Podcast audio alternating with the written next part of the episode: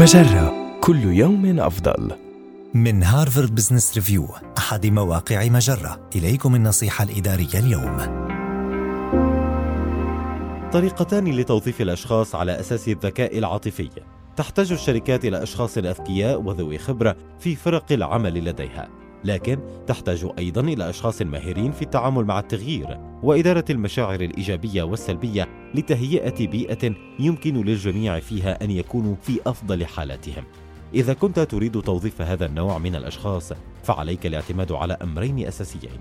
اولا الحصول على رسائل التوصية والرد عليها.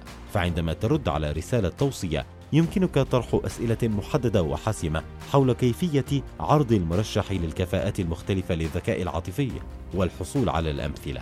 مع الكثير من التفاصيل اسأل عن أمثلة عن كيفية تعامل مرشحك مع الآخرين ثانياً إجراء مقابلة شخصية للذكاء العاطفي حيث يعتقد الكثير من الأشخاص أنهم يقومون بإجراء مقابلات بالفعل حول الذكاء العاطفي لكنهم لا يفعلون ذلك في كثير من الأوقات وللتغلب على هذه العقبة يمكنك استخدام مقابلة شخصية حول الأحداث أو المواقف السلوكية. هذه نصيحة من مقال كيفية التوظيف المرتكز على الذكاء العاطفي.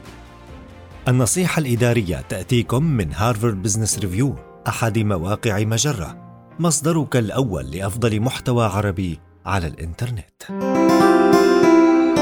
مجرة كل يوم أفضل.